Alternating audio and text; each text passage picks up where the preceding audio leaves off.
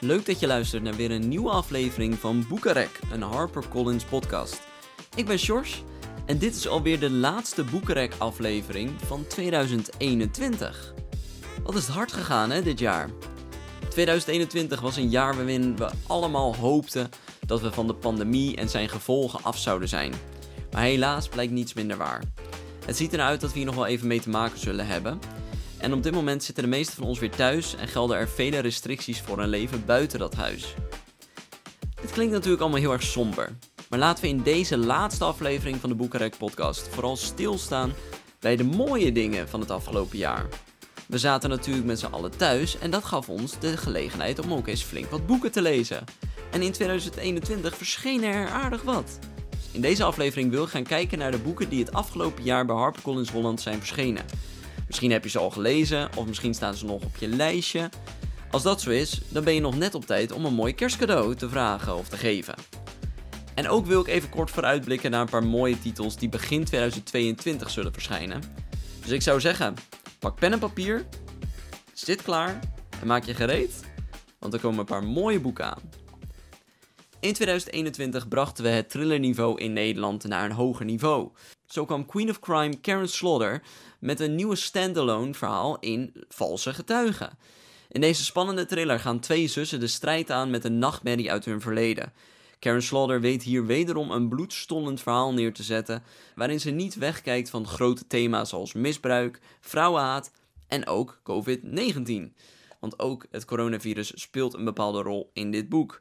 En als thrillerfan en Karen Slaughter-fan mag je valse getuigen echt niet missen. Dit najaar ontdekten we een hele andere kant van thrillers met het huiveringwekkende boek 16 paarden van de Britse Greg Buchanan. Op een dag worden er 16 paardenhoofden in een weiland gevonden. De ogen van de paarden staan naar de hemel gericht, maar niemand weet hoe die paarden daar zijn gekomen en waarom.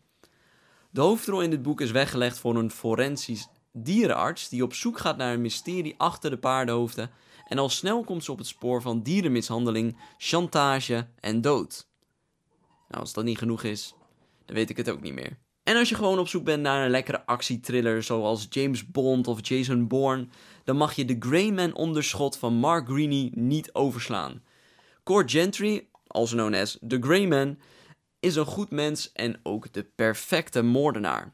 Wanneer een missie in Syrië en Irak misgaat, keren Gentry's troepen zich tegen hem en wordt hij zelf het doelwit van verschillende huurmoordenaars. Wat volgt is een race tegen de klok waarbij de kogels om je oren vliegen.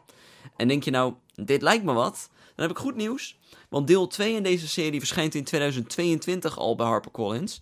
En de verfilming van het eerste boek wordt Netflix' grootste film ooit. Dus je gaat in de toekomst nog heel veel horen van deze Grey Man.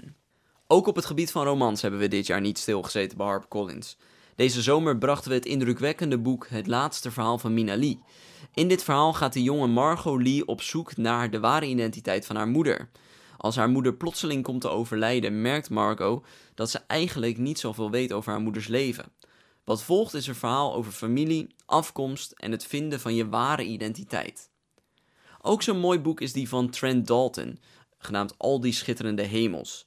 In dit boek duikt de Australische Dalton in de magische kant van Australië. Waar zijn eerste boek Jonge Verslind Heelal bijna autobiografisch was en ging over het harde leven in Australië, probeert hij met dit boek een kinderlijke kant te laten zien, wat gehuld is in magie. Het is niet voor niets dat dit boek van Trent Dalton al maandenlang in de top staat van de bestsellerlijsten. En dit boek mag je dus ook zeker niet missen.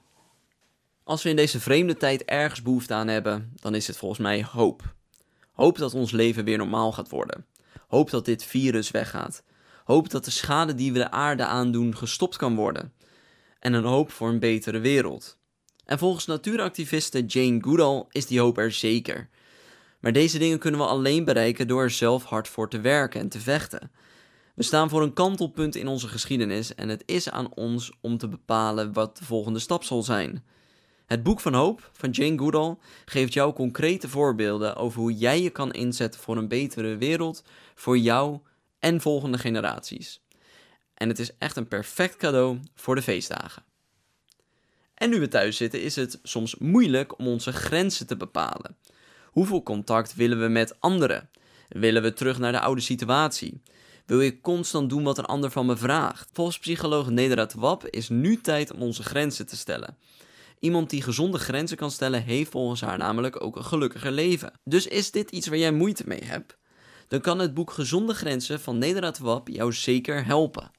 En dan brachten we dit jaar ook weer verschillende nieuwe kinderboeken uit, want dat zijn we bij HarperCollins Holland aan het uitbreiden. Wat dacht je bijvoorbeeld van het eerste deel in de BFF-serie van de Nederlandse Jette Schreuder?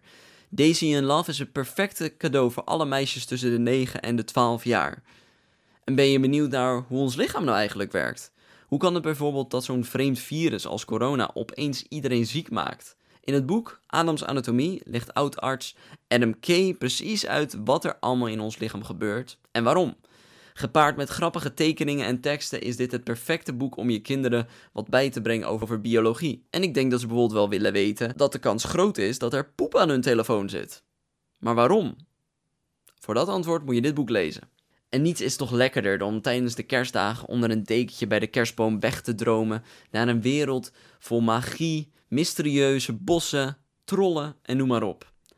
Vuurbloed 12 en het Vuurbloed 12 en het bevroren bos is het eerste deel in de nieuwe kinderserie van Ashling Fowler en vertelt het magische verhaal over familie, vriendschap en je plaats in deze wereld vinden. Geloof mij, dit boek wil je echt aan je kinderen geven.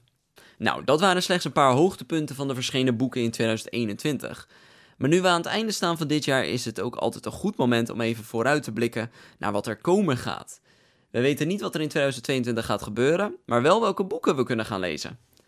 Ga bijvoorbeeld op kunstjacht met agent William Warwick in het eerste deel van de nieuwe serie van meesterverhalenverteller Jeffrey Archer.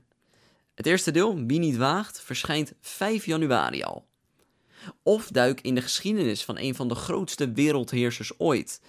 In De Roos van Napoleon vertelt Jacobine van den Hoek het verhaal van een onwaarschijnlijke liefde tussen een jonge Franse soldaat en de vrouw die op een dag Josephine Bonaparte zal worden. Dit boek verschijnt 8 februari. En heb jij nou in coronatijd een hond gekocht en merk je dat hij nu toch wel wat gedragsproblemen begint te krijgen? Blaft hij veel? Koudt hij op je meubels? Trekt hij aan de riem? In het boek Hond in Huis geeft hondgedragsspecialist Jeroen Ome jou de beste tips en tricks om met jouw hond om te gaan. Want geloof het of niet, 9 van de 10 problemen heeft net zoveel met jou als baas te maken als met je hond. Het boek Hond in Huis verschijnt 22 maart. Zet dat in je agenda. En met deze titels sluit ik deze aflevering van de Boekenrek podcast af. En daarmee komen we dus ook aan het einde van dit seizoen. De Boekenrek podcast gaat namelijk een paar weken met vakantie. Maar begin 2022 zijn we er weer met nieuwe gasten, inspirerende gesprekken en natuurlijk heel veel nieuwe boeken. En wil je nou meer weten over de boeken die ik vandaag heb besproken? Zoek dan even in je podcastfeed naar de naam van de auteur. Want ik heb dit jaar eigenlijk met al deze auteurs gesproken. En in deze gesprekken leer je meer over hunzelf, over hun boeken en hoe ze eigenlijk auteur zijn geworden. Het zijn hele leuke gesprekken, moet je zeker doen. En voor meer van dat soort gesprekken blijf je in 2020 ook vooral naar de Boekenrek podcast luisteren. Voor nu wens ik je nog een hele fijne dag. En natuurlijk alvast fijne kerstdagen. En een gelukkig 2022. Tot volgend jaar.